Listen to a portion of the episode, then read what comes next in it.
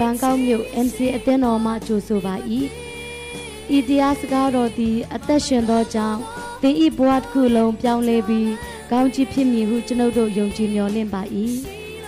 ဤတရားစကားအပြင်တန်ရှင်တော်ဝိညာဉ်တော်သင်အားစကားပြောပါစေသောဤတရားဟောချက်သည် စီးပွားရေးအဖြစ်မဟုတ်လျင်လက်ဆင့်ကန့်ကူးယူဖြန့်ဝေနိုင်ပါသည် အပတ်စဉ်တရားဟောချက်များခံယူလိုပါက mcatalent.com တွင်ဆက်သွယ်နိုင်ပါသည်ရှိလို့မဖြစ်တော့တာသမီးများကျွဲဘူရောပေးချင်နှုတ်ကပတော်လေးဖြစ်ပြီရခင်ဒီနေ့နှုတ်ကပတ်တော်အပြင်ထမ်းမှန်ပြီးကျွန်တော်ရောက်ဆိုင်ကိုစကားပြောပါခရက်အသံကိုကြားစေပါတန်ရှင်သောဝိညာဉ်တော်ဖျားကိုယ်တိုင်အလင်းပေးဖွင့်ပြတော်မူပါ နှုတ်ကပတ်တော်နဲ့အချိန်တိုင်းမောက်လံဖြက်စီးတတ်တဲ့စာရမဏေခေါ်ခြင်းတတ်ခြင်းဖြက်စီးခြင်းများအားလုံးယေရှုနာမ၌ချီနှောင်ဖယ်ရှားပါတယ်။တန်ရှင်သောဝိညာဉ်တော်ဖျားကိုယ်တိုင်အလင်းပေးဖွင့်ပြပါမိကြောင်းနှုတ်ကပတ်တော်နဲ့အသက်တာချိန်တိုင်းလုံးစုံလက်တော်သို့အပ်တဲ့အခါမှာအသက်ရှင်၍ကောင်းမြတ်သောသခင်ယေရှုခရစ်တော်၏နာမတော်မြတ်ကိုမြည်ပြု၍ယူသည်လေးမြတ်စွာဆုတောင်းဆက်ကအနန္တမ၏ဖေဟာအာမင်ကျွန်တော်အားလုံးထိုင်အောင်ဒီနေ့ရောက်စီတိုင်းအတွက် အသက်နဲ့ပြည့်စုံစေချင်သောဖရာဆိုတဲ့ခေါင်းစဉ်နဲ့ဝေမျှပေးခြင်းတယ်ဒီနေ့ကျွန်တော်ယုံကြည်ကိုးကွယ်တဲ့ဖရာကကျွန်တော်ထာဝရအသက်တစ်ခုလောက်ပဲပေးတဲ့ဖရာမဟုတ်ဘူး။ဘာလို့ဖရာခင်မှာသူ့ရဲ့သားသမီးတွေအတွက်ကြီးမားသောအကြံစီရှိတယ်။တကယ်တမ်းတော့ထာဝရအသက်ဆိုတာကထာဝရနဲ့ဆိုင်သောအရာဖြစ်တယ် တနေ့ထာဝရကာလမှာကျွန်တော်ဝင်စားရတဲ့အခါမှာရရှိမဲ့ထာဝရအသက်ဖြစ်တယ်။သို့တော်လည်းပဲဒီနေ့ဖျားခင်ကထာဝရကာလကိုမသွားခင်ဒီမြေကြီးပေါ်မှာဒီလောကမှာကျွန်တော်ကိုအသက်ရှင်ခွင့်ပေးထားတဲ့အခါမှာတော့အထူးသဖြင့်အသက်နဲ့ပြည့်စုံစေခြင်းသောဖျားရှင်ဖြစ်တယ် အာမင်အဲ့ဒါဖခင်ကဒီနေ့သူ့ရဲ့သားသမီးတွေအရောက်စီတိုင်းအတွက်ပေးခြင်းတဲ့အရာရစေခြင်းတဲ့အရာဖြစ်တယ်ဆိုတော့နေကိုဘေးမှာရှိတဲ့ညီကိုမောင်နှမများကိုခဏလောက်ပြောရအောင်ဖခင်ကလေသင်ကိုထာဝရအသက်ပဲပေးခြင်းနဲ့ဖခင်မဟုတ်ဘူးအထူးသဖြင့်အသက်နဲ့ပြည့်စုံစေခြင်းသောဖခင်ရှင်ဖြစ်တယ်လို့ကိုဘေးကလူပြောရအောင်ဟာလေလုယာပြောစီချင်တာကဘာလဲဆိုရင်ဖခင်က ဒီလောကထဲမှာကျွန်တော်ကို အသက်ရှင်ခွင့်ပေးခြင်းကဖျားသခင်ကသူ့သားသမီးတယောက်ဖြစ်သည့်အားလျော်စွာကျွန်တော်ကိုအောင်မြင်စေခြင်းနဲ့ကျွန်တော်ကိုစုံလင်စေခြင်းနဲ့ကျွန်တော်ကိုဂုဏ်ယူစေခြင်းနဲ့ကျွန်တော်ကိုတိုးပွားစေခြင်းသောဖျားသခင်ဖြစ်တယ်ဖျားသားဖြစ်ပြီးတော့မှလောကမှာဆုံးရှုံးဖို့ဖျားသခင်လုံးဝအလိုတော်မရှိဘူးဖျားသားဖြစ်ပြီးတော့မှလောကမှာ လဲလိုက်ထားလိုက်လဲလိုက်ထားလိုက်နဲ့စာတန်ရဲ့ထုထောင်းခြင်းကိုခံနေရတဲ့ဖျားသားမီဖျားခင်လုံးဝမဖြစ်စေခြင်းဘူးဖြစ်တယ်။ဒါပေမဲ့ဒီနေ့ကျွန်တော်တို့သတိထားရမယ့်အရာတစ်ခုကနှုတ်ကပတ်တော်ကဒီလိုမျိုးသတိပေးပါတယ်။ဟောရှေနာဂတိကျမ်းခိုင်းလေးငယ်6မှာငါလူတို့သည်တဲ့ပညာနည်းသောကြောင့်ဆုံးရှုံးရကြ၏ ဒီဖျားခင်ကသူ့ရဲ့သားသမီးတွေတရားစီအနေနဲ့အောင်မြင်စေခြင်းသောဖျားခင်ဖြစ်စေခြင်းတော်လည်းပဲဒီနေ့ကျွန်တော်ဖျားသားသမီးတွေဘာဖြစ်လို့ဆုံးရှုံးရမှာလဲပညာ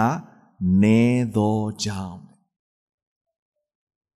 ပညာဆိုတာကဒီနေ့ဖျားခင်စီကနေလာသောအရာဖြစ်တယ်အထက်အရာကနေလာသောအရာဖြစ်တယ်ဒီနေ့ဖရာသခင်က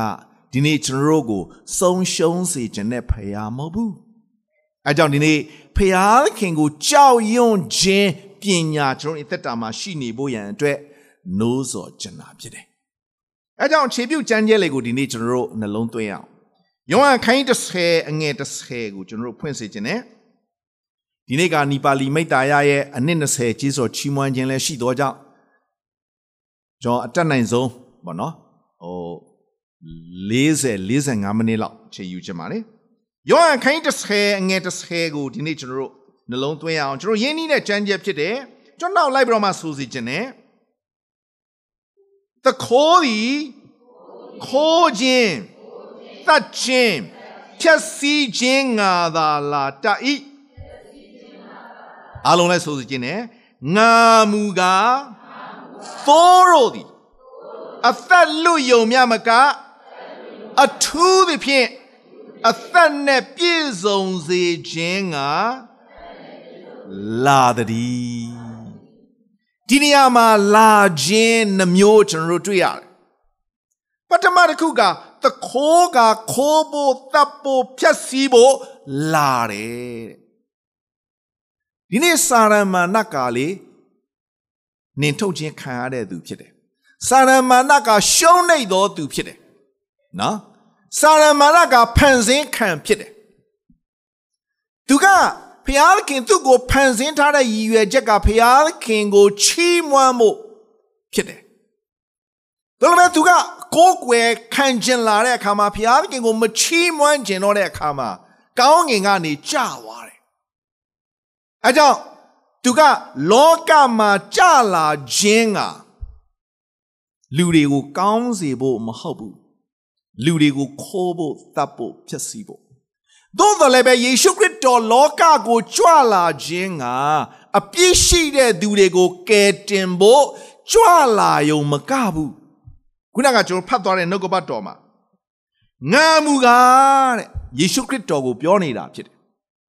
သိုးတို့သည်အသက်လွတ်ယုံမြမကားတဲ့သိုးတွေကိုအသက်လွတ်ယုံမဲလာတာမဟုတ်ဘူးတဲ့ အထူးသဖြင့်အသက်နဲ့ပြည့်စုံစေဖို့လောကကိုကြွလာတာဖြစ်တယ်အဲ့တော့ဒီနေ့ယေရှုခရစ်တော်လောကကိုကြွလာတာလေသင်အသက်တာမှာသာရအသက်ကိုရစေုံတခုလည်းမကဘူးအထူးသဖြင့်အသက်နဲ့ပြည့်စုံစေဖို့တနည်းအားဖြင့်အောင်မြင်ခြင်းကြွယ်ဝခြင်းပြည့်ပြည့်စုံခြင်းဖခင်ဂုံယူရတဲ့သားသမီးတွေဖြစ်ပေါ်ရန်အတွက်ဒီနေ့ယေရှုခရစ်တော်လောကကိုကြွလာတာဖြစ်တယ်ဆိုတော့ ဒီနေ့ကျွန်တော်ရောက်စဉ်အသက်တာထဲမှာဖမအုပ်ဆုံးအနေနဲ့အောစီမဲရဲ့အသက်တာကိုနည်းနည်းလေးမိမောင်းထိုးပြခြင်းတယ်။ရာဇဝင်ကျုပ်ဒုတိယဆောင်အခန်းကြီး26ကိုနည်းနည်းလေးဖွင့်စေခြင်းနဲ့ရာဇဝင်ကျုပ်ဒုတိယဆောင်အခန်းကြီး26ကိုကျွန်တော်ကြည့်တဲ့အခါမှာဒီလိုမျိုးကျွန်တော်တွေ့ရပါတယ်။အငယ်9ကိုနည်းနည်းလေးကျွန်တော်ဖတ်ပြခြင်းနဲ့ ဖျားခင်ဗျာတဲ့ယူပါယုံကို နားလေသောဇာဂရိလက်ထက်၌တဲ့။အောစီမင်းသည်ကျွန်တော်လိုက်ဆိုရအောင်။ဖျားကိုစီးကပ်၏။ထာဝရဖျားကိုစီးကပ်သောကာလပတ်လုံးဖျားခင်သည်အကြံထမြောက်ရသောအခွင့်ကိုပေးတော်မူ၏ဒီနေရာမှာဘု து ကိုကျွန်တော်တွေးရလဲဆိုတော့အောစီမင်း အောစီမင်းကတကိုးကြီးတဲ့ဘရင်ဖြစ်တယ်ဆိုတော့ဒီနေ့ကျွန်တော်ဘာကိုမိမောင်းထိုးပြခြင်းလဲဆိုတော့ဖျားခင်ကလေကျွန်တော်ရောက်စီတိုင်းကို သူ့ရဲ့ပေးထားတဲ့စုကျေးဇူးအခွင့်ဩဇာအာဏာလူတိုင်းလူတိုင်းမှာဖျားရှင်ပေးထားတယ်ဒီနေရာမှာတော့အောစီမင်းက ဣသရေလလူမျိုးဒီမှာကတော့ယူဒပြည်သူပြည်သားတွေအပေါင်းတို့ကိုအုပ်ချုပ်မင်းလုပ်ရတဲ့ဘရင်နေရာမှာဖျားခင်ကိုသူ့ကိုခန့်ထားတာကျွန်တော်တို့တွေ့ရတယ်ဆိုတော့ဘုရားခင်ခန့်ထားရတဲ့ရည်ရွယ်ချက်ကတိုင်းပြည်ကိုအုပ်ချုပ်မင်းလုပ်စီမံခန့်ခွဲဖို့တိုင်းပြည်ကောင်းစားဖို့ဆိုတော့ဒီနေရာမှာ ဖျားခင်ယူပါယုံကိုရတဲ့ဇာခရိလက်ထက်ကာလမှာအောစီမင်းကဖျားခင်ကိုစီးကတ်တယ်ဆိုတော့တမန်ကျမ်းစာလိုမျိုးပြောပါတယ်ယာကုပ်ခိုင်းလေးငယ်ခုနှစ်မှာဖျားခင်အလိုတော်သို့လိုက်ကြလော့တဲ့မာရဏကိုစီးကကြလော့တဲ့မာရဏကိုစီးတားကြလော့တဲ့ ဖျားခင်အလိုတော်သို့ကြတော့လိုက်ခိုင်းတယ်မာရဏကိုကြတော့စီးတားခိုင်းတယ်ပြီးတော့မှသမကျမ်းသာကပါဆက်ပြောလဲဆိုငါ၌ချင်းကတ်တဲ့သူကို သူ့စီမှာငါချင်းကပ်မယ်ဆိုပြီးစကလုံးလေးကျွန်တော်တို့တွေ့ရတယ်ဆိုတော့ဒီနေရာမှာအောစီမင်းကဖဖျားသခင်ကိုစီးကပ်တဲ့သူဖြစ်တယ်တဲ့ ဖျားကိုစီးကပ်တော်မြတ်ကာလပတ်လုံးတဲ့ဖျားသခင်ကသူ့ကိုအကြံထမြောက်ရသောခွင့်ကိုပေးတယ်တဲ့သို့လည်းပဲတမန်ကျမ်းစာလိုမျိုးဆက်ပြမတ်တန်တင်တာကျွန်တော်တွေ့ရပါတယ်အငယ်16မှာကျွန်တော်လိုက်ဆိုစီခြင်းအောစီမင်းသည်တကိုးကြီးသောအခါကိုအကျိုးနဲအောင် ထောင်လွှားသောစိတ်ထသဖြင့်မိမိဖျားသခင်သာရဖျားကိုပြစ်မှား၍ဒီနေ့ကျွန်တော်တို့တတိချစရာတတိထားဖို့ရန်အတွက်နှိုးဆော်ချင်တာဖြစ်တယ်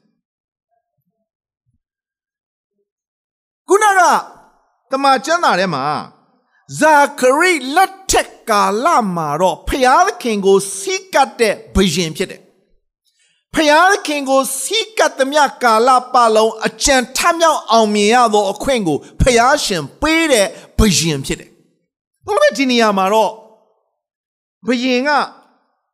တကိုးကြီးလာတဲ့အခါမှာတဲ့ကိုအကျိုးနဲအောင်ထောင်လွှားသောစိတ်ထားတယ်တကယ်တော့ဖျားခင်ကသူ့ကို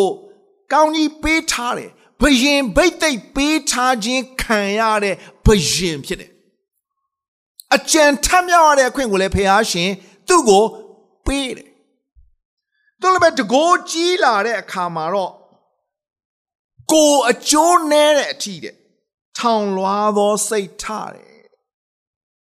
ဒီနေရာမှာနှုတ်ကပတ်တော်ကဒီလိုမျိုးမှတ်တမ်းတင်ထားတာကျွန်တော်တို့တွေ့ရတယ်မိမိဖျားခင်သာရဖျားကို ပြစ်မှား၍ဆွဲစကလုံးလေးကိုနှလုံးသွင်းစေခြင်းနဲ့ တတိချစေခြင်းနဲ့ဒီနေ့ကျွန်တော်ရောက်စဉ်အသက်တာထဲမှာဖျားခင်ပေးထားတဲ့အရိုက်အရာဖျားခင်ပေးထားတဲ့စုကျေးဇူးဖျားခင်ပေးထားတဲ့ဖျားရှင်ကောင်းကြီးပေးထားတဲ့မထိုက်မတန်မဲနဲ့ရရှိခံစားရတဲ့အရာတွေလူတိုင်းလူတိုင်းကိုစီရှိတယ်မဟုတ်လားဒီနေ့ကျွန်တော်ဘာမှဝါကြွားစရာမရှိဘူး ဘာမှမမာနထောင်လွှားစရာအကြောင်းမရှိဘူးဖျားခင်ပေးထားတဲ့အရာတွေသာလင်ဖြစ်တယ်တို့လည်းဒီနေရာမှာအောစီမင်းကတကိုးကြီးလာတဲ့အခါမှာတဲ့မိမိဖျားခင်ခြာရဖျားကို ပြစ်မှားတယ်ဘလို့ပြစ်မှားတယ်လဲလို့ကျွန်တော်ကြည့်တဲ့အခါမှာနတ်သားပေါင်းကိုမင်းရှုရာရစ်ပလင်ပေါ်မှာနတ်သားပေါင်းကိုမင်းရှုစေခြင်းကထာဝရဘုရား၏ဗိမာန်ထဲသို့ဝင်လေ၏တ ကယ်တော့ဘုရားခင်ဗိမာန်တော်ကိုဝင်ရခြင်းအခွင့်ကနဲတဲ့အခွင့်ထူမဟုတ်ဘူးဒီနေ့ဘုရားခင်ထံသို့ဒီနေ့ကျွန်တော်တွန်းဝင်ရခြင်းအခွင့်ကနဲတဲ့အခွင့်မဟုတ်ဘူးနော်ဒါပေမဲ့ဒီနေရာမှာမိမိဖျားခင်ထာဝရဖျားကိုပြစ်မှားတယ်ဆိုတဲ့စကားလုံးလေးတော့ဒီနေ့ကျွန်တော်တို့သတိထားဖို့ရန်အတွက်ဖြစ်တယ်။တနည်းအားဖြင့်ဖျားရှင်ဗိမာန်တော်အသက်ရှင်ဆုံးဌာန ဖျားခင်မျက်မှောက်တော်မှာကျွန်တော်တိုးဝင်တဲ့အခါမှာဖျားခင်ကို ပြစ်မှားတဲ့အရာ မဖြစ်ဖို့ဒီနေ့သတိထားစေချင်တာဖြစ်တယ်။ဒီကနေ့ဗိမာန်တော်ဆိုတာကဒီနေ့ဖျားသားသမီးတွေ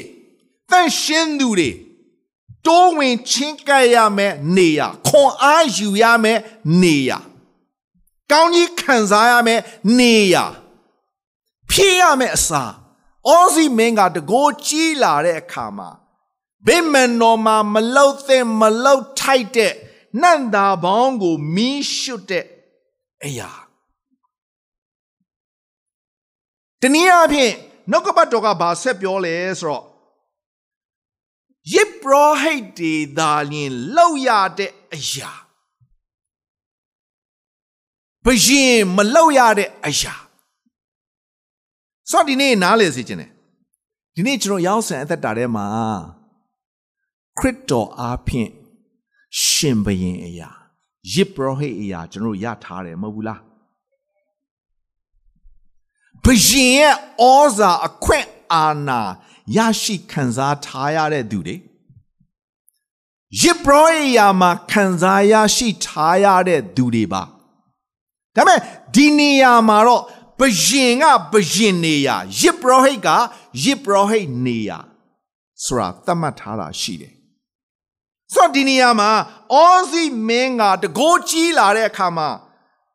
ထောင်လွှားသောစိတ်ရှိလာတဲ့အခါမှာဖယားခင်ကို ပြစ်မှားတယ်တနည်းအားဖြင့်ဘရင်တွေမလောက်ရဘဲနဲ့ယစ်ပရောဟိတ်တွေသာလျှင်လောက်ရတဲ့အရာကို သူလောက်တဲ့အခါမှာ ဒီနေရာမှာတော့ယစ်ပရောဟိတ်အာဇရိကရဲရင်ချင်းတတိရှိတဲ့ယစ်ပရောဟိတ်ဖြစ်တယ်သူကယစ်ပရောဟိတ်အမှုကိုထမ်းဆောင်ရတဲ့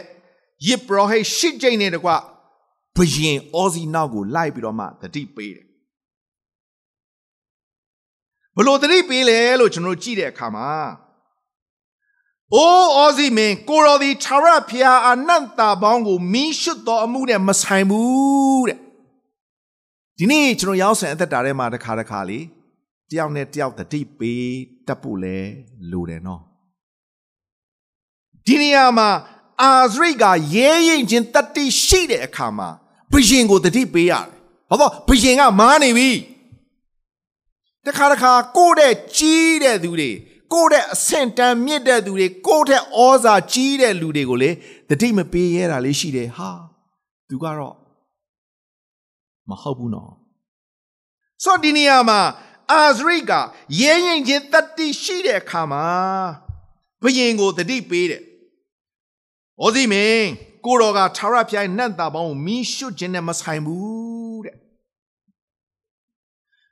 နတ်သားပေါင်းကိုမီးရှို့တဲ့ခန့်ထားရတဲ့အာယုံရဲ့သားယစ်ပရောဟိတ်တွေသာဒီမှုနဲ့ဆိုင်တယ်။အဲကြောင့်သန့်ရှင်းရာဌာနတဲကထွက်သွားလို့ကိုတော်သည်ပြစ်မှားပြီတဲ့။ဖျားသခင်ရှေ့တော်၌အသေးရပြက်လိုက်မယ်ရဲရင်ချင်းတတိနဲ့ဘရှင်ကိုတတိပေးတယ်ကိုရော ဒီအမှုကကိုရောမလောက်ရဘူးနော်ကိုရောလောက်ရင်အသေးရပြက်လိုက်မယ်နော်လို့ရဲရင်ချင်းတတိနဲ့တတိပေးတယ်ဒီနေ့ချစ်တော်ညီကိုမောင်နှမတို့တို့အရောက်စင်အသက်တာမှာလေပြက်ပြက်သားသားဒီနေ့မားရင်မားတယ်လွဲနေရင်လွဲတယ်ဆိုတာရဲရင်ချင်းတတိနဲ့ဒီနေ့တတိပေးရဲဖို့တတိပေးတတ်ဖို့နိုးစော်ကျင်တာဖြစ်တယ် အဲ့လိုတတိပေးတဲ့နောက်ခိုင်းမှာအငယ်ဆက်ကိုကျွန်တော်ကြည့်တဲ့အခါမှာအောစုမင်းကဒေါသစိတ်ရှိတယ်တဲ့ဒေါသထွက်တယ်ဘာလို့ तू ကဘယင်ပဲလေနန္ဒမောင်မီရှုဖို့လင်မန်းကိုကင်ပြီးတော့မှရစ်ပူဇော်ဖို့ဖြစ်တဲ့အခါမှာဘာဖြစ်တယ်လဲလို့ကျွန်တော်ကြည့်ကျွန်တော်နည်းနည်းလေးဖတ်ပြခြင်းနဲ့ဗိမာန်တော်တွင်နတ်သားပေါင်းကိုမိရှုရာရစ်ပလင်အနာရစ်ပရောဟိတ်တို့ရှေ့မှာ နူနာသည်ရှင်ဘရင်နဖူး၌ပေါ်လေ၏စဉ်းစားကြည့်အောင်အောစီမင်းကတကိုးကြီးတဲ့ဘရင်ဖြစ်တယ်အရင်တော့ဖျားခင်ကိုစီးကတ်တဲ့သူဖြစ်တယ်ဖျားခင်စီးကတ်သမျှကာလပတ်လုံးအကြံထမြောက်တဲ့ဘရင်ဖြစ်ရတာနဲ့အခုအချိန်ခါမှာဘာဖြစ်လို့နဖူးမှာလူနာဆွဲရတာလဲ တတိပေးခြင်းမခံလို့ဖြစ်တယ်တတိပေးရတဲ့အရာကိုစိတ်ဆိုးတယ်နော်ဒေါသထွက်တယ်တတိပေးတာကိုတတိပေးတာမခံမဲနဲ့လှုပ်တယ်လှုပ်တော့ဘာဖြစ်လဲနူနာဆွဲသွားတယ်သူ့ရဲ့အသက်တာကိုကျွန်တော်တို့ကြည့်တဲ့အခါမှာအငယ်21ကိုနည်းနည်းလေးကျွန်တော်ဖတ်ပြခြင်းတယ် ထို့သောအောစီမင်းသည်သေသည်တိုင်အောင်နူနာဆွဲ၍ခြားနာသောနန်း၌နေရ၏ဘယင်တော့ဘယင်ပဲဒါပေမဲ့သေတဲ့အထိနူနာဆွဲတယ်ခြားနာသောနန်းတော်တနည်းအားဖြင့်ဘယင်တော့ဘယင်ပဲအခြားသောနန်းတော်မှာသေတဲ့အထိနေရတယ်ဆိုတော့ဒီနေ့ကျွန်တော် နှလုံးသွင်းတတိချစေချင်လို့ဖြစ်တယ်အဲအကြောင်းကျမ်းစာတစ်ချက်ကိုကျွန်တော်သတိရတယ်လုကာအခန်း19အငယ်1ကိုနည်းနည်းလေးဖတ်ပြခြင်းနဲ့လုကာအခန်း19အငယ်1မှာတပည့်တော်တို့အားတဖန်မိတ်တော်မူသည်ကကျွန်တော်လိုက်ဆိုရအောင်မာယွင်းစရာအကြောင်းရှိရမည်သို့တော်လေမာယွင်းစရာအကြောင်းကို ဖြစ်စေသောသူသည် အမင်္ဂလာရှိ၏မာယွင်းစရာအကြောင်းရှိရမယ်သို့တော်လည်းပဲမာယွင်းစရာအကြောင်းကို ဖြစ်စေတဲ့သူကအမင်္ဂလာဖြစ်တယ်ဒီပတ်ကခလေးများနေဖြစ်တယ်ဒီပတ်ကခလေးများနေဖြစ်တယ်အငယ်နှစ်ကိုကျွန်တော်ကြည့်တဲ့အခါမှာဤသူငယ်တစုံတယောက်ကိုမာယွင်းစေသည်ထက် လေဘင်း၌ကြိတ်ဆုံကြောက်ကိုဆွဲ၍ပင်လယ်၌ချခြင်းကိုခံရရင်အနေသာ၍ကောင်း၏စောချစ်တော်ညီကောင်မောင်မတို့တတိပေးနိုးစောခြင်း ਨੇ ဒီနေ့ဖျားခင်ကျွန်တော်ကိုပေးထားတဲ့အရိုက်အရာဖျားခင်ပေးထားတဲ့ဆုကျေးဇူးဖျားခင်ပေးထားတဲ့တောင်းဝတ်တရားလူတိုင်းကိုစီကိုစီရှိတယ် တချို့ကဝိညာဉ်ရေးရာနဲ့ဆိုင်တဲ့ဘုရားခင်ပေးထားတဲ့စုကျေးဇူးတချို့တွေကတော့ကျွန်တော်နိုင်ငံတော်နဲ့ပတ်သက်တဲ့စုကျေးဇူးတချို့က Sunday School စသည်အဖြစ်တချို့တွေကလေးသာသနာတချို့တွေကလူငယ်သူကဏ္ဍနဲ့သူရှိပါတယ်ဆိုတော့ဒီနေ့တတိထားရမယ့်အရာဖြစ်တယ်စင်ကျင်ရမယ့်အရာဖြစ်တယ် ရာဇဝင်ကျုပ်ဒုတိယဆောင်အခိုင်21ကိုနည်းနည်းလေးမိမောင်းထိုးပြခြင်းတယ်ရာဇဝင်ကျုပ်ဒုတိယဆောင်အခိုင်21မှာယောရှဖတ်ရဲ့သားယဟောယံဘယင်မော့ဒီနေရာမှာကျွန်တော်တွေ့ရတယ်ယောရှဖတ်ဆိုတာကျွန်တော်အားလုံးသိတယ်နော်ရာဇဝင်ကျုပ်ဒုတိယဆောင်ခိုင်း20ကိုကျွန်တော်ကြည့်တဲ့အခါမှာဖျားခင်ကိုကြောက်ရွံ့တဲ့ဘယင်ဖြစ်တယ်တို့လည်းပဲသူ့ရဲ့သားယဟောယံကြတော့ အဘရဲ့လမ်းသို့မလိုက်ဘူးတဲ့တမန်ကျမ်းစာထဲမှာအငယ်6ကိုကျွန်တော်ကြည့်တဲ့အခါမှာအာဟသမီးနဲ့စုံဖက်သဖြင့်တဲ့ဣသရေလရှင်ဘီရင်တို့လိုက်ရလမ်းသို့အာဟအမျိုးကဲ့သို့လိုက်၍ထာဝရဘုရားရှေ့တော်၌ဒုစရိုက်ကိုပြု၏ဒီနေရာမှာယဟောယံကသူ့အဖေက ဖျားကိုကြောက်ရွံ့ယိုသေးတဲ့သူဖြစ်တယ်ဖျားခင်ကိုအာကိုခိုလုံကိုးစားသောဘယင်ဖြစ်တယ်ဆိုတော့ तू သိတယ် तू မြင်တယ်ဒါပေမဲ့ तू ကိုယ်တိုင်ကတော့ဖျားရှိမှဒုစရိုက်ကို ပြုတ်တယ်ဆိုတော့ကျွန်တော်တို့တွေ့ရတယ်ဒီနေမဲ့လားကျမ်းသာဒီတိုင်းမပြောထားဘူးအငယ်30ကိုကျွန်တော်နည်းနည်းလေးဖတ်ပြခြင်းနဲ့ သို့တော်လည်းအေဒုံပြည်သားတို့သည်ယနေ့တိုင်အောင်ယူဒရှင်မြေကို ပုံကန်ကြ၏ထိုကာလ၌လိဗနပြည်သည်လည်းပုံကန်၏အကြောင်းမူကားတဲ့ကျွန်တော်လိုက်ဆိုပေးပါယဟောယံသည်ဘိုးဘေးတို့၏ဖျားခင်ထာဝရဖျားကိုစွန့်၍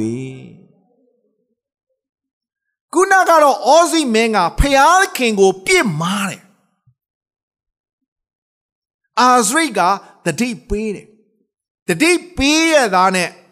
နော်တတိပေးခြင်းမခံတဲ့အခါမှာဘဝတစ်သက်တာလုံးနူနာဆွဲသွားရတယ်ဘယင်တော့ဘယင်ပဲနူနာဆွဲတဲ့ဘယင်ဒီနေရာမှာယဟောယံအဖေရဲ့လမ်းစဉ်ကိုမလိုက်ဘူးအဖေကဖះကိုချစ်ကြောက်ယိုသေးခိုလုံကိုးစားတဲ့သူဖြစ်ရတာနဲ့သူကဖះရှိမှဒုစရိုက်ကိုပြုတယ်ဖះခင်ကိုစွန့်ပလိုက်တယ် ဘလောက်ဝမ်းနည်းစရာကောင်းတယ်ဒီနေမဲ့လားနှုတ်ကပတ်တော်ဒီတိုင်းမရေးထားဘူးဒီလိုမျိုးဆက်ရေးတယ်ယူဒတောင်တို့အပေါ်မှာမြစ်သောအရာတို့ကိုတီလောက်သဖြင့်တဲ့ယူဒပြည်သူယေရုရှလင်မြို့သားတို့ကိုတဲ့ကျွန်တော်လိုက်ဆိုရအောင်တပါးမျိုးသားတို့ဤဖယားနဲ့မာယွင်းရမည်အကြောင်းအနိုင်အထက်ပြုတ်တည်း စဉ်းစားကြည့်ရကျွန်တော်ပြောဘူးတယ်သင်မားရင်တယောက်တည်းမားပါစေအခြားလူတွေကို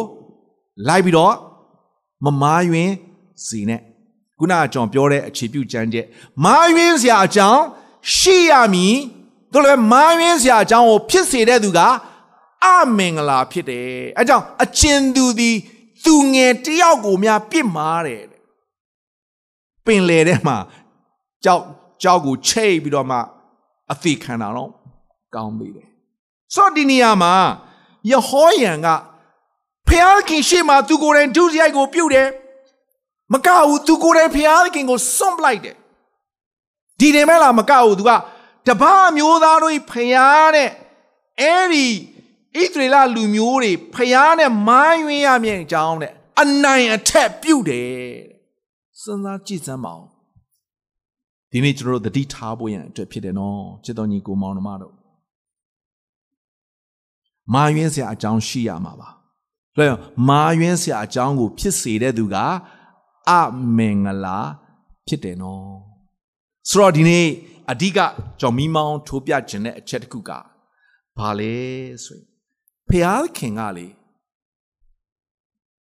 ကျွန်တော်တို့ကို အသက်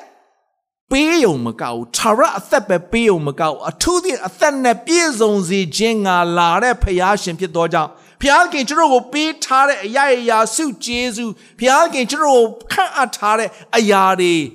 အားဖြင့်မမနာထောင်လွှားစရာဖျားခင်ကိုပြစ်မှားစရာမဖြစ်ဖို့ရန်ဒီနေ့ကျွန်တော်ကိုတတိပေးလိုက်ရင်ဒီနေ့ကျွန်တော်တတိထားဖို့ရန်အတွက်နှိုးဆော်ခြင်းတယ်အခြားသူကို ဒီနေ့မာယွင်းစရာအကြောင်းမဖြစ်ဖို့ရန်အတွက်လည်းဒီနေ့ကျွန်တော်တို့နှလုံးသွင်းဖို့ရန်အတွက်ဖြစ်တယ်။ဒါဆိုရင်ဘုရားခင်ကကျွန်တော်ကိုဘာဖြစ်စေခြင်းတလဲလို့ကျွန်တော်ကြည့်တဲ့အခါမှာကဘာဦးကျမ်းခိုင်16ကိုနည်းနည်းလေးကျွန်တော်ကြည့်ရအောင်။ကဘာဦးကျမ်းခိုင်16ကိုကျွန်တော်ကြည့်တဲ့အခါမှာအာဗြဟံကိုဘုရားခင်ပြောတဲ့အရာကျွန်တော်တွေ့ရ ထိုနောက်အာဗြဟံသည်အသက်69နှစ်ရှိသောအခါတဲ့ထာဝရဘုရားသည်အာဗြဟံအားထင်ရှားတော်မူ၍တဲ့ငါသည်အနန္တတကိုးရှင်ဘုရားသခင်ဖြစ်၏ဘုရားကပြောလဲဆိုငါရှေ့မှာသွားလာ၍စုံလင်ခြင်းရှိလောဒီနေ့ဘုရားခင်ကလေကျွန်တော်ကိုမဆုံးရှုံးစေခြင်းဘူး မပြတ်စည်းစေခြင်းဘူးထာဝရအသက်ပေးပြီးတော့မှမြေကြီးပေါ်မှာဆုံးရှုံးရတဲ့သူမြေကြီးပေါ်မှာဘုရားခင်ဂုံယူလို့မရတဲ့သားသမီးတွေဘုရားခင်လုံးဝမဖြစ်စေချင်တာဖြစ်တယ်။အဲကြောင့်အာဗြဟံကိုဘုရားခင်ကခေါ်ထုတ်လာတဲ့အခါမှာငါသည်အနန္တတကိုရှင်ဖျားခင်ဖြစ်၏တဲ့ ငါရှေ့မှာသွားလာ၍စုံလင်ခြင်းရှိလောဒီနေ့ဓမ္မရောက်လာတဲ့ညီကိုမောင်နှမတွေအားလုံးဘုရားခင်ကျွန်တော်ရောက်ဆိုင်ကိုစကားပြောနေတယ်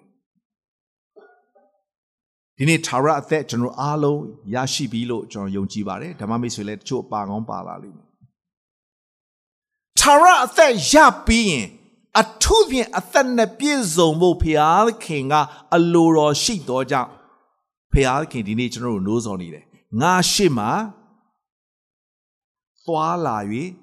စုံလင်ခြင်းရှိလောဘာဖြစ်လဲဆိုတော့ဘုရားခင်ကကျွန်တော်ကိုတိုးပွားစေခြင်းတယ်ကျွန်တော်ကိုအောင်မြင်စေခြင်းတယ်ကျွန်တော်ကိုဂုဏ်ယူစေခြင်းနဲ့ဖျားရှင်ဖြစ်တော်ကြောင့်ဖြစ်တယ်အဲကြောင့်ဖျားခင်ကငါရှေ့မှာသွားလာ၍စုံလင်ခြင်းရှိပါခုနကအောစီမင်းကဖျားခင်ထံကိုချိကတ်သမျှ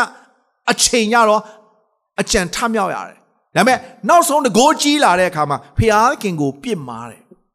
တတိပေးတာကိုနာမခံတဲ့အခါမှာတစ်သက်တာလုံးနူနာဆွဲရတယ်အဲကြောင့်ဒီနေ့အရောက်စတိုင်းကိုနိုးစော်ခြင်းတယ်တင့်ကိုဖျားခင်ပေးထားတဲ့အရာအရာတင့်ကိုဖျားပေးထားတဲ့စုကျေးဇူးတင့်ကိုဖျားပေးထားတဲ့တောင်ဝတ်တရားကိုစီကိုစီရှိတဲ့အခါမှာဖျားရှိမှာသွားလာ၍စုံလင်ခြင်းရှိဖို့နိုးစော်ခြင်းတယ်ဘာဖြစ်လို့လဲလို့နှုတ်ကပတ်တော်ကိုကျွန်တော်ကြည့်တဲ့အခါမှာ ငါ၏ပဋိညင်သည်သင်၌ငါပြုမိသင်ကိုငါအလွန်များပြားစေမယ်တဲ့ဘုရားခင်ကကျွန်တော်ကိုအလွန်များပြားစေခြင်းနဲ့ဖယားတိုးပွားစေခြင်းနဲ့ဖယားသူ့နာမည်ကိုတော့မှပြောင်းလိုက်တယ်အငယ်ငါးကိုကျွန်တော်ကြည့်တဲ့အခါမှာနောက်တဖန်သင်အမည်ကိုအာဗြဟံဟုမခေါ်ရအာဗြဟံဆိုတဲ့အဓိပ္ပာယ်ကချီးမြှောက်ခြင်းခံရသောဖခင်တဲ့ တို့လည်းနှုတ်ကပတ်တော်ကသင်အမည်ကိုအာဗြဟံဟုမခေါ်ရသင်အမည်ကိုအာဗြဟံဟုခေါ်ရ၏တဲ့သင်ရဲ့အမည်ကအာဗြဟံလို့မခေါ်ရဘူးတဲ့အာဗြဟံလို့ခေါ်ရအာဗြဟံဆိုတာလူအမျိုးမျိုးတို့ရဲ့ဖခင်ဆိုတဲ့အဓိပ္ပာယ်ရှိတယ်အာဗြဟံဆိုတာကတော့ချီးမြှောက်ခြင်းခံရတဲ့ဖခင်ဖခင်ချီးမြှောက်ပါပြီဖခင်ကောင်းကြီးပေးပါပြီဒါပေမဲ့ဖခင်က အဲ့ဒီတင်မဲ့ပေးချင်တာမဟုတ်ဘူးလူအမျိုးမျိုးတွေဖခင်ဖြစ်အာဗြဟံလို့အမည်ပြောင်းခြင်းခံရတယ်အငယ်6ကိုကျွန်တော်ကြည့်တဲ့အခါမှာငါသည်သင်ကိုအလွန်ပွားများစေမယ်တဲ့ဟာလေလုယာဖခင်ကလေသင်ကိုချီးမြှောက်ခြင်းခံရတဲ့ဖခင်နေနောက်တော့ပဲကျွန်တော်တို့ကိုဖြစ်စေချင်တာမဟုတ်ဘူး လူအမျိုးမျိုးတွေဖခင်နေရမှာပေးခြင်းနဲ့တိုးပွားစေခြင်းနဲ့ပွားများစေခြင်းနဲ့အောင်မြင်စေခြင်းနဲ့ဖယားရှင်ဖြစ်တယ်ဒီနေမဲလားကျမ်းစာလိုမျိုးပြောတယ်ငါသည်သင်ကိုအလွန်ပွားများစေမည်ကျွန်တော်လိုက်ဆိုရအောင်သင်အားဖြင့်လူမျိုးမျိုးတို့ကို ဖြစ်စေမည်သင်အမျိုးအနွယ်၌လည်းရှင်ဘရင်ဖြစ်ရကြလိမ့်မယ် ဘုရားရှင်ဂတိတော်နော်ဘုရားခင်ချီးမြှောက်ခြင်းဖျားခင်ရဲ့တိုးပွားခြင်းဖျားခင်ရဲ့ပြည့်ပြည့်စုံခြင်းဒီနေရာမှာကျွန်တော်တို့တွေ့ရတယ်။သင်ရဲ့အမျိုးအနွယ်၌ရှင်ဘရင်ဖြစ်ရလိမ့်မယ်။ Hallelujah ။အဲကြောင့်ဖျားခင်ရှေ့မှာသွားလာ၍စုံလင်ခြင်းရှိဖို့ရန်အတွက်နှိုးဆော်ခြင်းတာဖြစ်တယ်။ဒါဆိုရင်နည်းနည်းစဉ်းစားကြည့်အောင်။ အာဗြဟံကနေသားဣဇက်ရလာတယ်။ဣဇက်ကနေယာကုပ်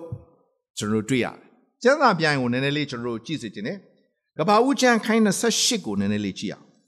။ကဘာဦးကျမ်းခိုင်း28အငယ်3ကိုနည်းနည်းလေးကျွန်တော်ထောက်ပြခြင်းနဲ့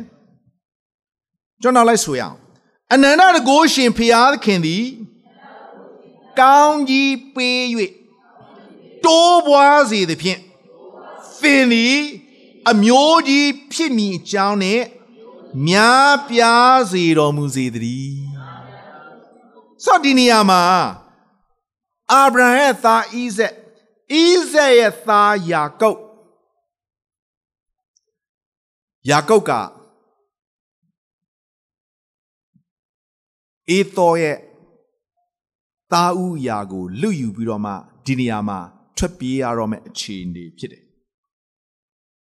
တို့လည်းပဲသူ့အဖေဣဇက်ကသူ့ကိုဒီလိုမျိုးပြောတယ်အနန္တတကိုရှင်ဖျားခင်ကောင်းကြီးပေး၍တိုးပွားစေသဖြင့်သည်သင်သည်လူမျိုးကြီးဖြစ်စေမည်အကြောင်းများပြားစေတော်မူစေတည်းတဲ့တကယ်တမ်းတော့ယာကောက်စွာလိန်လေလက်စားတက်တဲ့သူအခုထွက်ပြေးရတော့မယ်ထားလို့မရတော့ တို့လည်းပဲအဖေကိုယ်တိုင်ဘာလို့ဆိုဟိုးသူ့ရဲ့အဖိုးအာဗြဟံလက်ထက်ကလေးကဖျားရှင်ဂတိပေးထားတဲ့အရာငါသင်ကိုအလွန်ပွားများစေမယ်တဲ့သင်အမျိုးရှင်ပြန်ဖြစ်ရလိမ့်မယ်အဲကြောင့်အာဗြဟံဣဇက်ယာကုပ်ရဲ့ဆွေစဉ်မျိုးဆက်ဣသရေလလူမျိုးတွေကိုကျွန်တော်ကြည့်တဲ့အခါမှာဘယင်တွေဘယင်တွေဘယင်တွေဘယင်တွေအများကြီးကျွန်တော်တွေ့ရတယ်မဟုတ်လား အဲ့ဒီဘယင်တွေထဲမှာဆိုရင်ဖျားခင်ကိုချစ်တဲ့ဖျားခင်ကိုကြောက်ရွံ့တဲ့ဖျားရှင်ကိုအားကိုးတဲ့ဘယင်တွေရှိသလိုဖျားခင်ကိုပြစ်မှားပြီးတော့မှခုနကဖျားကိုစွန့်တဲ့ဘယင်တွေရှိလာတယ်ဆိုတာကျွန်တော်သိတာအဲကြောင့်ဒီနေ့နှုတ်ကပတ်တော်ကနိုးစော်နေတာသင်ဒီငါရှိမှာတွာလာ၍စုံလင်ခြင်းရှိပါဒီနေ့ကျွန်တော်ကခရစ်တော်အပြင်ဘယင်မျိုးတွေဖြစ်တယ်ခရစ်တော်အပြင်ယစ်ဘရဟိတ်မျိုးတွေဖြစ်တယ် သင်လောက်ရမယ့်အရာကိုဒီနေ့သင်ရဲရဲရင်ရင်လောက်ပါတင်မလောက်ရတဲ့အရာဖျားခင်ကမလောက်နဲ့လို့ပြောတဲ့အရာကိုလေဒီနေ့တတိပေးခြင်းခံရရင်ဒီနေ့မလောက်မိဖို့မာယွင်းစရာအကြောင်းကိုလည်းလောက်တဲ့သူမဖြစ်ဖို့မာယွင်းစရာအကြောင်းအခြားသူကိုလည်းဖြစ်စေတဲ့သူမဖြစ်ဖို့ဒီနေ့တတိပေးနိုးစော်ကျင်နာဖြစ်တယ်ဒီနေ့ဘုရားရှင်ဂတိတော်အတိုင်းဘုရားခင်ရှေ့မှာသင်သည်သွားလာပြီးစုံလင်ခြင်းရှိမယ်ဆိုရင် ဒီနေရာမှာနှုတ်ကပတ်တော်ကဖယားသခင်ဒီကောင်းကြီးပေး၍တိုးပွားစေမှာဖြစ်တယ်တကယ်တော့ယာကုပ်ကထွက်ပြေးနေရတဲ့သူပါဘယ်နာမှာမိမရမယ်ဆိုတာမဖြစ်နိုင်တဲ့အရာတွေပါဒါပေမဲ့ဖျားခင်ပြင်ဆင်ခြင်းကသူ့အတွက်ရှိပြီးသားဖြစ်တယ်အဲ့ဒီယာကုပ်ကနေဣသရေလလူမျိုးဆင်းသက်လာရတယ်မဟုတ်ဘူးလား ကပ္ပဦးချမ်းအခန်းကြီး35ကိုနည်းနည်းလေးကြည့်အောင်ကပ္ပဦးချမ်းအခန်းကြီး35အငယ်7ကိုနည်းနည်းလေးကျွန်တော်ဖတ်ပြခြင်း ਨੇ တဖန်ဖျားခင်ကငါသည်အနန္တတကိုးရှင်ဖျားခင်ဖြစ်တိုးပွားများပြားလော့လူတစ်မျိုးမကအမျိုးမျိုးတို့သည်သင်၌ဖြစ်ကြလိမ့်မည်ရှင်မြေတို့သည်သင်အမျိုးအနွယ်၌ ဖြစ်ကြလိမ့်မယ်ဒါလည်းယာကုပ်ကိုမိမောင်းထိုးပြနေတာဖြစ်တယ်ဖျားခင်ကငါသည်အနန္တတကိုးရှင်ဖျားခင်ခုနကတော့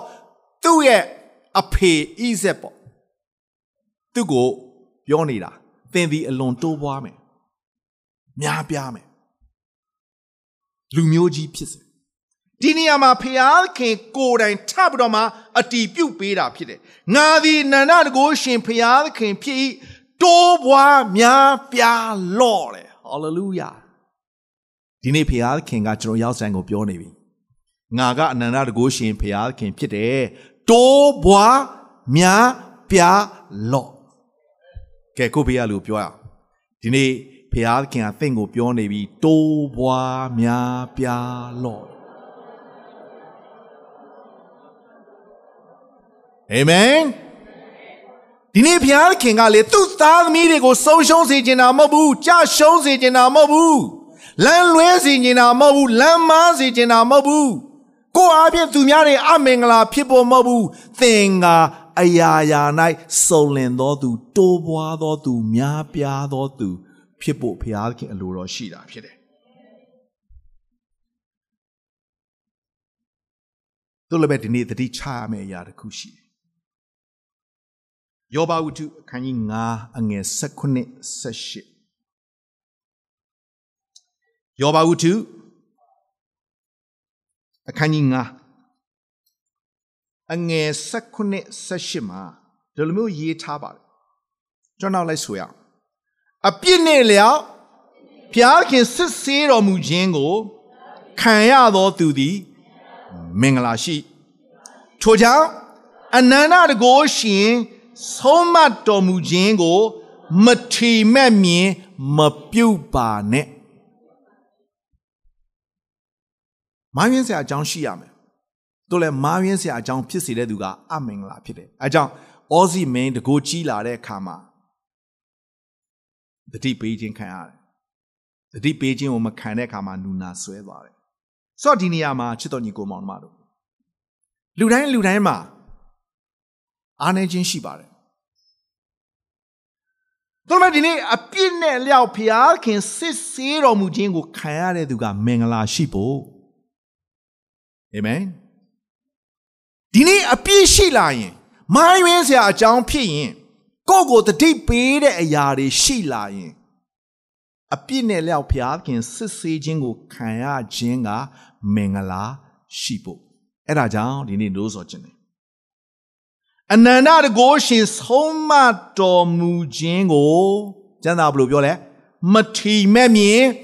မပြုတ်ပါနဲ့ဒီနေ့အနန္တတကိုရှင်ဖျားခင်ဆုံးမခြင်းရှိလာတဲ့အခါမှာတတိပေးခြင်းရှိလာတဲ့အခါမှာတော့မထီမဲ့မြင်မပြုတ်မိဖို့ဒီနေ့ဖျားခင်ကလေဘယ်တော့မှမထီမဲ့မြင်ပြုတ်ခြင်းကိုခံတဲ့ဖျားမဟုတ်ဘူး။ အောစီမဲဘရင်ဖြစ်တာဘသူကြောင့်လဲဖះကြောင့်မဟုတ်ဘူးလား။ဒါပေမဲ့တကိုးကြီးလာတဲ့အခါမှာဖះခင်ကိုပြစ်မှားတယ်။မလောက်သင့်မလောက်ထိုက်တဲ့မလောက်ရတဲ့အခါကိုလောက်တဲ့အခါမှာဘဝတစ်သက်တာလုံးနူနာဆွဲသွားရတယ်။အဲကြောင့်ဒီနေ့ချစ်တော်ညီကိုမောင်မတို့အနန္တတကိုရှင်ဆုံးမတဲ့အခါမှာမထီမဲ့မြင်မပြုတ်ဖို့ရန်အတွက်ဒီနေ့တတိပေးနိုးစော်ကျင်တာဖြစ်တယ်။နောက်ဆုံး ယောဘဝတ္ထုခိုင်း20အငယ်21ကိုကြည့်အောင်ယောဘဝတ္ထုခိုင်း20အငယ်အဓိကတော့ကျွန်တော်23ကိုပြောချင်တာပေါ့နော်21ကနေဖတ်ပြချင်တယ်ဖျားခင်နဲ့ကျွမ်းဝင်၍မိတ္တာယဖွဲ့လို့ထိုသောပြုမှကောင်းစားခြင်းတို့ရောက်ရလိမ့်မည်နှုတ်တော်ထွက်တရားကိုခံယူရဲ့စကားတော်ကိုနှလုံး၌သွင်းပါလော့ကျွန်တော်လိုက်ဆိုပြပါ23မှာ အနန္တတကိုရှင်ထံတော်သို့ပြန်လာရင်တီဆောက်ခြင်းရှိလိမ့်မည်သင်အိမ်မှဒုစရိုက်ကိုပယ်ရှားရင်ရွှေကို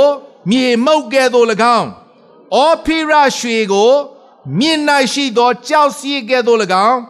သို့ထားရလိမ့်မည်ဆိုတော့ဒီနေရာမှာအနန္တတကိုရှင်ဖျားခင်ထံတော်သို့ ပြန်လာဖို့လို့ဆိုချင်တယ်မမှုတဲ့သူတရားမရှိပါဘူးမမိုင်းရင်မှုတဲ့သူတရားမှမရှိပါဘူးဒီနေ့နှုတ်ကပတ်တော်ကအနန္တတကိုးရှင်ဆုံးမခြင်းကိုမထီမဲ့မြင်မပြုတ်ဖို့ဒီနေရာမှာတော့နန္ဒတကိုးရှင်ထံတော်သို့ပြန်လာဖို့နိုးစော်ကျင်လာဖြစ်တယ် ဖျားခင်ထံတော်သို့ပြန်လက်လာတဲ့သူတွေအားလုံးကိုလေဖျားခင်ဘယ်တော့မှအလင်းမပယ်ဘူးဖျားခင်ဘယ်တော့မှမစွန့်ဘူးအသစ်တဖန်ဖျားခင်ကတာ၍ချီးမြှောက်ခြင်းနဲ့ကောင်းကြီးပေးခြင်းနဲ့ဖျားရှင်ဖြစ်တယ်။ဘာကြောင့်လဲဆိုတော့နှုတ်ကပတ်တော်ကဒီမျိုးပြောတယ်။ထိုခါနန္ဒတကိုရှင်သည်သင်၌ရွှေရတနာသင်သုံးရသောငွေဘန္နာဖြစ်တော်မူလိမ့်မယ်။ ဖျားရှင်ကိုယ်တိုင်သင်ရဲ့ရွှေရတနာသင်သုံးရသောဘန္တာဖြစ်လာမှာဖြစ်တယ်။အဲကြောင့်ဒီနေ့ဖျားခင်ရှေ့မှာသွားလာ၍စုံလင်တော်သူများဖြစ်ဖို့နှိုးဆော်ခြင်းတာဖြစ်တယ်။ဘာကြောင့်လဲဆိုတော့ဘုရားခင်ကလေကျွန်တော်တို့ကိုခြာရအသက်ပဲပေးခြင်းတော်ဖရာမဟုတ်ဘူး။ လောကမှာနေထိုင်အသက်ရှင်တဲ့အခါမှာအထူးသဖြင့်အသက်နဲ့ပြည့်စုံစေပြီးတော့မှဒီနေ့လောကသားအလယ်မှာဖရာခင်ဂုံယူရတဲ့ဖရာခင်မျက်နာဖျားရှက်ဘုံကိုထင်ရှားစီသောသားများအရောက်ဆံဖြစ်ဖို့ဒီနေ့ဒီနှုတ်ကပတ်တော်အပြင်နိုးစော်ချင်တာဖြစ်တယ်ဒီနှုတ်ကပတ်တော်အပြင်အရောက်စီတိုင်းဘုရားရှင်စကားပြောပါစေဘုရားရှင်ကောင်းကြီးရှိပါစေကျွန်တော်အားလုံးမတရားရအောင် ဒီနေ့ဘုရားရှင်ကျွန်တော်ရောက်စီတိုင်းကိုစကားပြောနေပြီဖြစ်တယ်တခိုးကခိုးဖို့တတ်ဖို့ဖြစ်စီဖို့အမြဲတမ်းလာတယ်ကျွန်တော်ကိုကြဆုံးစေခြင်းတယ်ကျွန်တော်ဆုံးရှုံးစေခြင်းတယ်တော်လဲယေရှုခရစ်တော်လောကကိုကြွလာတာကျွန်တော်ကိုအသက်ပေးဖို့ဖြစ်တယ်အသက်ပေးအောင်မကောက်အထူးဖြင့်အသက်နဲ့ပြည့်စုံစေခြင်းနဲ့ဖခင်ရှင်ဖြစ်တယ်အနေတို့ရောက်စီတိုင်းအသက်တာထဲမှာပြန်ပြမအာယူရအောင် ဘုရားခင်ဒီကနေ့အထိကျွန်တော်အသက်ရှင်ခွင့်ပေးခြင်းကမြေကြီးပေါ်မှာသူဂုဏ်ယူခြင်းတို့အောင်မြင်သောဖခင်သားမိများအသက်နဲ့ပြည့်စုံသောဖခင်သားမိများဖြစ်ဖို့ဘုရားခင်အလိုတော်ရှိတယ်အဲကြောင့်ဒီနေ့ကျွန်တော်ရောက်စဉ်အသက်တာထဲမှာအသက်တဖန်ကိုအသက်တာကိုပြန်လဲပြီးတော့အနိုင်အောင်ဘုရားခင်ပေးထားတဲ့အရာအရာတောင်းကိုတရားဘုရားခင်ပေးထားတဲ့စုကျေးဇူးတွေဒီနေ့အလွဲသုံးစားဖို့မဟုတ်ဘူး မာယွင်းစရာအကြောင်းဖြစ်စေဖို့မဟုတ်ဘူးဘုရားခင်ကသူ့ရဲ့ရှေ့မှာသွားလာပြီးစုံလင်ခြင်းရှိစေချင်တာဖြစ်တယ်။ဘာကြောင့်လဲကျွန်တော်တို့ကိုတိုးပွားစေခြင်းနဲ့ကျွန်တော်တို့အောင်မြင်စေခြင်းနဲ့ကျွန်တော်ကိုချီးမြှောက်စေခြင်းနဲ့ကျွန်တော်ကိုဂုဏ်ယူစေခြင်းသောဖယားရှင်ဖြစ်တော်ကြောင့်ဖြစ်တယ်။အကြောင်းကျွန်တော်အားလို့တန်ရှင်တော်လက်များကိုမြောက်ရဲ့အသက်တာများကိုအသက်တပံပြန်လာပြီးတော့ဆက်ကအနိုင်အောင်ယနေ့ဒီတိုင်ဘုရားခင်အသက်ရှင်ခွင့်ပေးခြင်း ယနေ့ဒီတိုင်ဘုရားခင်ကကျွန်တော်ကိုလမ်းပြနေခြင်းမဆာနေခြင်းကောင်းကြီးပေးခြင်းနဲ့ချီးမြှောက်နေခြင်းဒီလိုမျိုးအခြေအနေထဲမှာဘုရားခင်ကျွန်တော်တို့ထားခြင်းကသူ့ရဲ့ဘုန်းကိုဆောင်ဖို့ရန်အတွက်ဖြစ်တယ်ဘုရားခင်ဂုဏ်ယူစေချင်တာဖြစ်တယ်ကျေးဇူးတင်တယ်ဖေဟာဒီနေ့ဖေဟာရှင်ကကျွန်တော်ကိုဖန်ဆင်းထားခြင်းကလောကသားအလယ်မှာ ဖေဟာခင်ဂုဏ်ယူစေချင်တာဖြစ်တယ်။ဒါလိုပဲစာတန်ကခိုးဖို့တတ်ဖို့ဖြစ်စီဖို့ဘလောက်ပဲလာတော့လဲပဲယေရှုခရစ်တော်လောကကိုကြွလာခြင်းကအသက်လွတ်ယုံများမကအထူးဖြင့်အသက်နဲ့ပြည့်စုံစေဖို့ရန်အတွက်ဖြစ်တယ်။ဒါကြောင့်ဒီနေ့ကျွန်တော်ရောက်ဆန်အသက်တာထဲမှာဆုံးရှုံးသောသူမဟုတ်ခရစ်တော်အပြင်အောင်မြင်သောသူခရစ်တော်အပြင်ဘုရားရှင်ဘုန်းတော်ကိုဆောင်တော်သူဘုရားခင်ဂုံယူရသောသားမီးများဖြစ်ရပါမည်အကြောင်းဒီနေ့ဖျားသခင်ရှေ့မှာသွာလာပြီးစုံလင်သောသူများဖြစ်ရပြီးတော့မှ တိုးပွားအောင်မြင်သောသားသမီးများအရောက်ဆန်ဖြစ်ပါမည်အကြောင်းအသက်တာနဲ့အချိန်တိုင်းအလုံးစုံလက်တော်သူအနန္တတဲ့အခါမှာခမီတော်သားတော်တန်ရှင်သောဝိညာဉ်တော်ရဲ့သုံးပါးတစုဘုရားခင်မေတ္တာတော်ဘုရားခင်ကျေးဇူးတော်တန်ရှင်သောဝိညာဉ်တော်ရဲ့မိတ္တာရဖွဲ့ခြင်းသည်ယနေ့လာယူကိုယ်ဝေကြသောညီကိုမောင်မအယောက်ဆံအပေါ်သို့ယခုမှစ၍ ကာလအစဉ်ဆက်တည်ရှိတည်နေပါစေသောအာမင်အာမင်အာမင်အာမင်အားလုံးကျေးဇူးတင်ပါတယ်ကျွန်တော်နှစ်နာရီနီပါလီမိတ်သားရအနည်း20ကျေးဇူးတော်ချီးမွမ်းခြင်းရှိပါတယ်ကျွန်တော်တို့ ပါဝင်ရအောင်